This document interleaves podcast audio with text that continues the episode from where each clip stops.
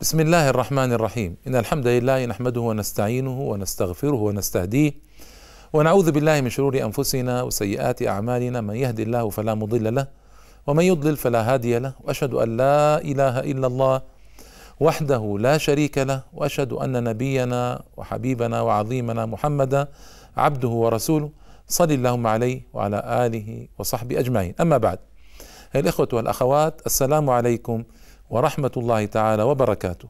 وأهلا وسهلا ومرحبا بكم في هذه الحلقة الجديدة من هذا البرنامج الذي أذكر فيه العظماء من الشخصيات العراقية الذين عاشوا في العراق وكان لهم أعظم الأثر في إثراء الحضارة الإسلامية وإثراء العلوم الإسلامية. وكان لهم ذكر وكان لهم عمل جليل في الأرض. رحمة الله تعالى عليهم جميعا. وقد ذكرت في الحلقات السابقة مجموعة من العظماء من الرجال واليوم أذكر امرأة عظيمة في الحقيقة وجليلة القدر رفيعته. هي المشهورة في عند الناس وفي التاريخ بأنها رابعة العدوية. رابعة العدوية امرأة من البصرة وهي مولاة أيضا امرأة من ال ال كانت جارية وحررت أعتقت صارت من جملة الموالي. وقد ذكرت الموالي في حلقة مالك من دينار وقلت إن كثيرا من علماء الإسلام ومشايخ الإسلام وأهل الإسلام وعظماء الإسلام كانوا من الموالي ولم يمنعهم الولاء أن يصلوا إلى أعلى الدرجات.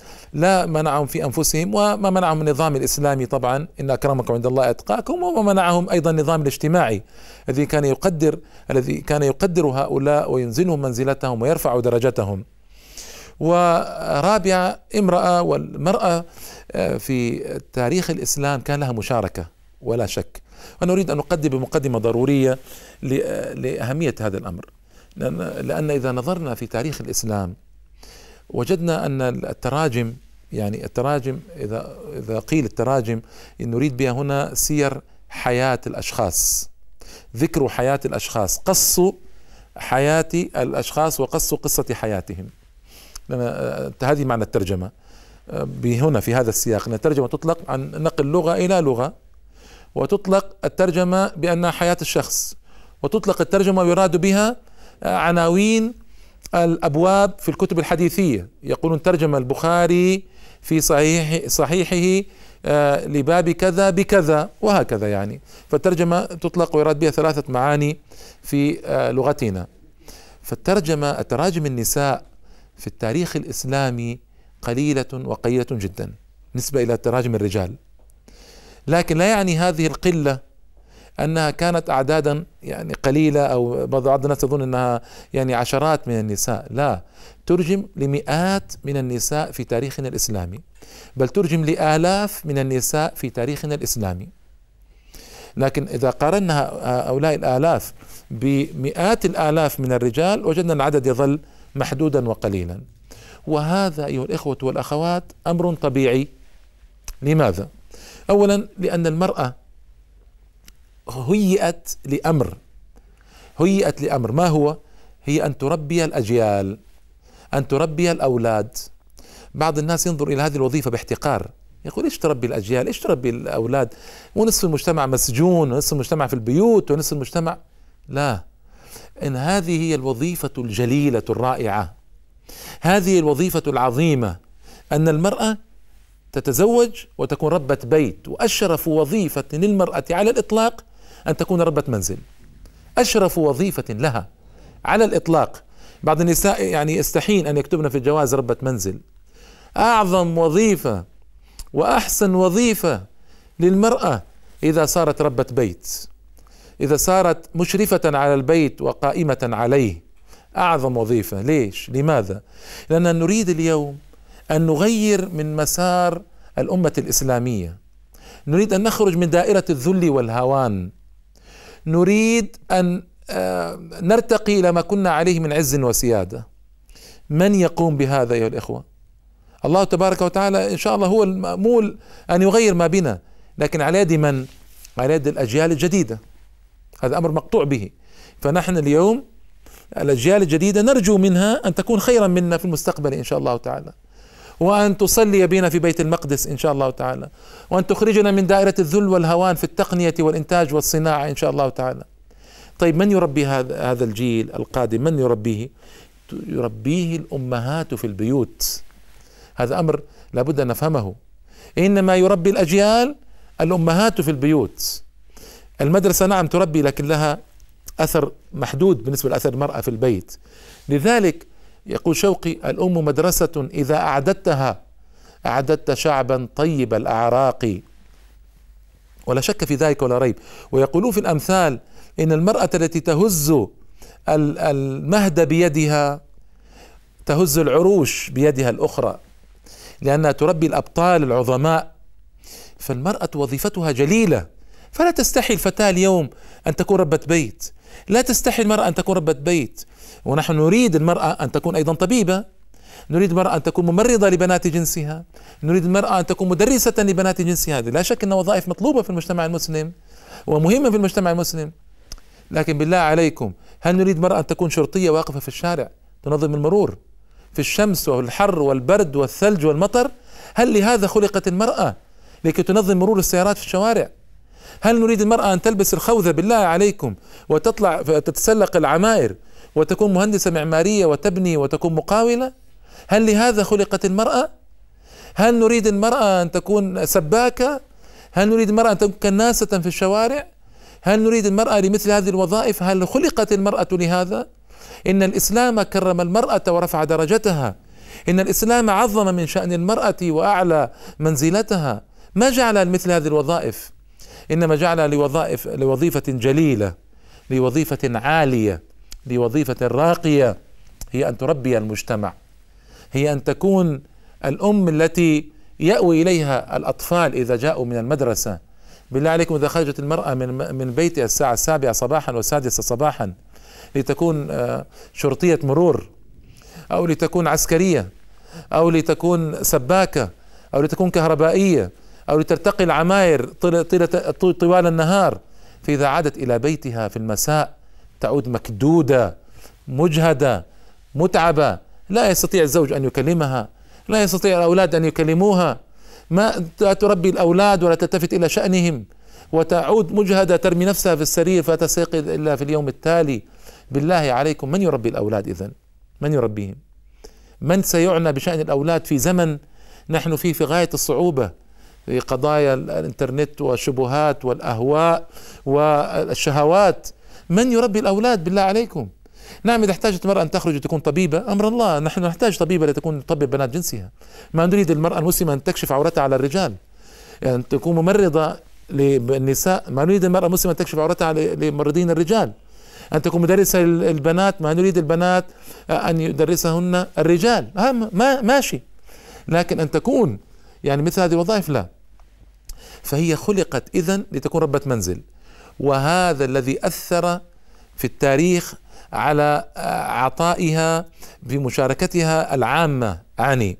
فلذلك لا نستغرب إذا قل عدد المترجمين من النساء لعدد المترجمين من الرجال. فلا نقول إن هذا بسبب ظلم المرأة والقصر على المرأة وإكراه المرأة وسجن المرأة في البيت كما يقول أعداء المرأة الذين يطالبون بما يسمى بحرية المرأة. هؤلاء أعداء أعداء في ثوب اصدقاء وهم أعداء للمرأة. ها يعني هذه قضية خطيرة. يدون المرأة أن تخرج كما خرجت المرأة الغربية لتفسد كما فسدت المرأة الغربية. ولتنتهي الأسرة كما انتهت الأسرة في الغرب لتنتهي الأسرة المسلمة. فيا أيتها المرأة المسلمة أعظم وظائفك أن تكون مربية لأولادك أن تكون أن تكوني منشئة للأجيال القادمة أن تكوني قائمة على التربية ومشرفة عظيمة على الرجال العظماء والنساء العظيمات الذين آه، سيأتون إن شاء الله تعالى في المستقبل القريب وينقذون الأمة الإسلامية. إذا الرابعة العدوية هي امرأة سجلت في التاريخ الإسلامي وسجلت في التراجم وكتب التاريخ وفي كل كتب التاريخ تقريبا تذكر رابعة العدوية بفخر لأنها امرأة جليلة عابدة رفيعة القدر. هذه المرأة ولدت سنة 55 في البصرة.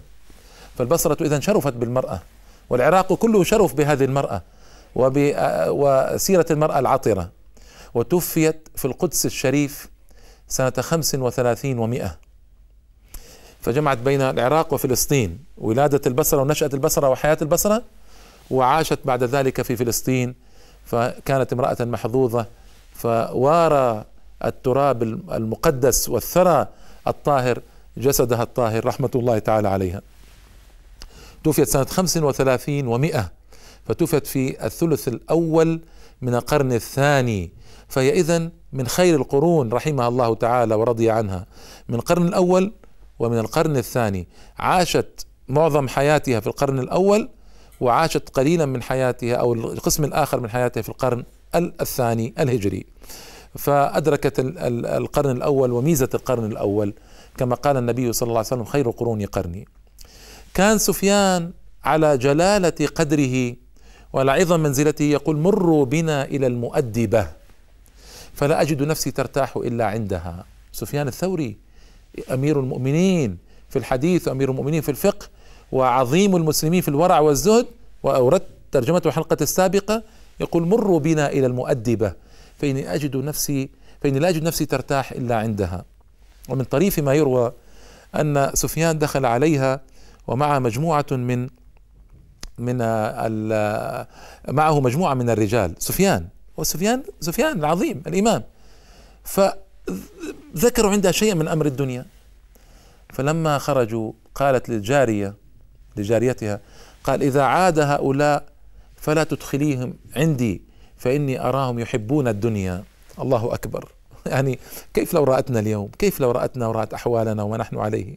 سفيان الإمام العظيم تقول للجارية تدخليه فإني رأيته يحب الدنيا لأنه جرى ذكر شيء من الدنيا في مجلسها فقط لا غير. سبحان الله العظيم. فماذا نقول نحن؟ ماذا أقول نحن؟ آآ آآ روي عنها بيت من الشعر صار فيه مشكلة ويعني وهي تقول وقد ولقد جعلتك في الفؤاد محدثي. وأبحت جسمي لمن أراد جلوسي. ولقد جعلتك في الفؤاد محدثي. وأبحت جسمي لمن أراد جلوسي. جاء مجموعة من الجهلة أو من أصحاب الأغراض السيئة فنسبوها إلى الإباحة. لأن قالت أبحت جسمي لمن أراد جلوسي. هي ما قصدت هذا. قصدت ما يعرف بالعزلة الشعورية. أن يكون الإنسان يخالط الناس ويجلس معهم مصداقا لحديث رسول الله صلى الله عليه وسلم آه، ومصداق ذلك حديث رسول الله صلى الله عليه وسلم. آه، المؤمن الذي يخالط الناس ويصبر على أذاهم خير من الذي لا يخالط الناس ولا يصبر على أذاهم. ولا بد الإنسان من الناس يجلس معهم ويصبر عليهم. فتقول أبحت جسمي يعني من أراد أن يسمع جلست معه وتكلمت معه. لكن تراقب الله تعالى ولا يشغلها شيء عن شيء. هذا هو مراد البيت. هذا هو مراد البيت. ما مراده ما مراده ما, ما فهموا ما فهم هؤلاء الجهلة أنها تريد بذلك مذهب الإباحيين والعياذ بالله الذين يعني يروى عنهم أنهم كانوا يسقطون في الفواحش وينسبون ذلك إلى الصوفية وإلى الزهد. نعوذ بالله من ذلك. نسأل الله السلامة من ذلك المقام. وحاشا رابعة رحمه الله تعالى أن تكون كذلك. بل مستحيل عندي أن تكون كذلك لما روي عنها من زهدها وعبادتها وصلاحها رحمه الله تعالى. فيعني هذا البيت حصل مشكلة سببي لكن هذا هو حله إن شاء الله تعالى وأمر سهل ويسير. أراد الحسن البصري أن يتزوجها وهو إمام أئمة المسلمين. فرفضت وما تزوجت هي في حياتها أيضا. ولقد قلت لكم أن عدم الزواج لا يدل على زهد ولا يدل على يعني أن هو الأمر الفاضل والأفضل. لا لا لا. بالعكس الأمر الفاضل هو الزواج والأمر الأحسن هو الزواج كما كان عليه النبي صلى الله عليه وسلم. لكن المرأة ما رأت أن تتزوج وهي حرة. ما رأت أن تتزوج ورأت أن حالها يصلح بعدم الزواج فماشي. ما, ما نثرب عليها ولا نقول إنها أخطأت ولا نقول إنها فعلت. لكنها ما أصابت الأولى من الحالات. هذا أحسن ما نقول وأكثر ما نقول. في شانها رحمة الله تعالى عليها. وتقدم لها أبو سليمان الهاشمي.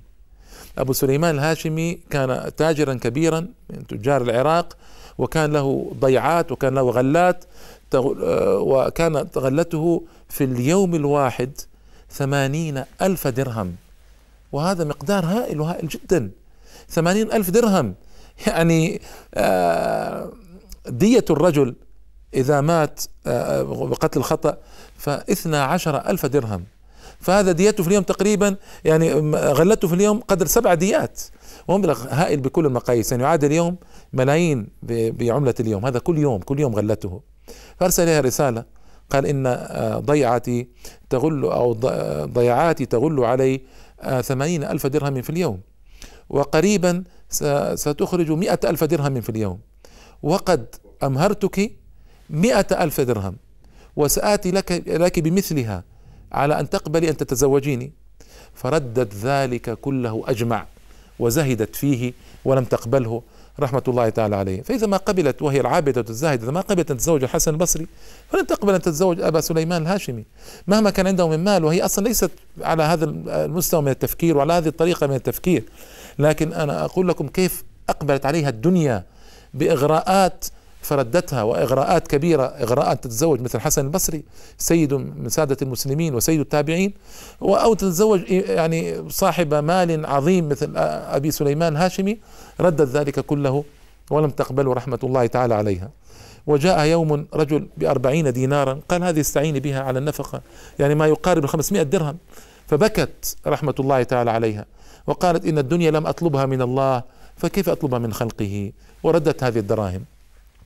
كانت على هذا المستوى من الزهد في الدنيا رحمة الله تعالى عليها والتقلل منها إلى الغاية.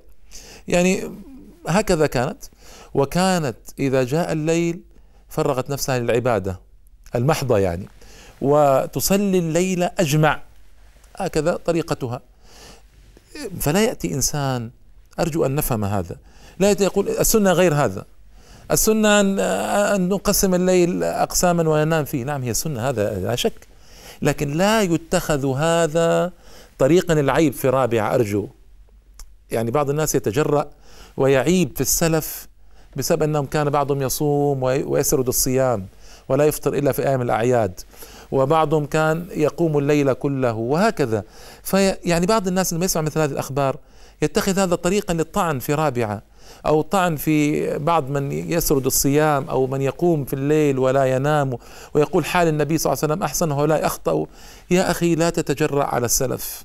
أرجوكم لا نتجرأ على السلف لا تتجرأوا عليهم. هؤلاء سادتنا هؤلاء عظماؤنا. من نحن حتى نقول هؤلاء أخطأوا؟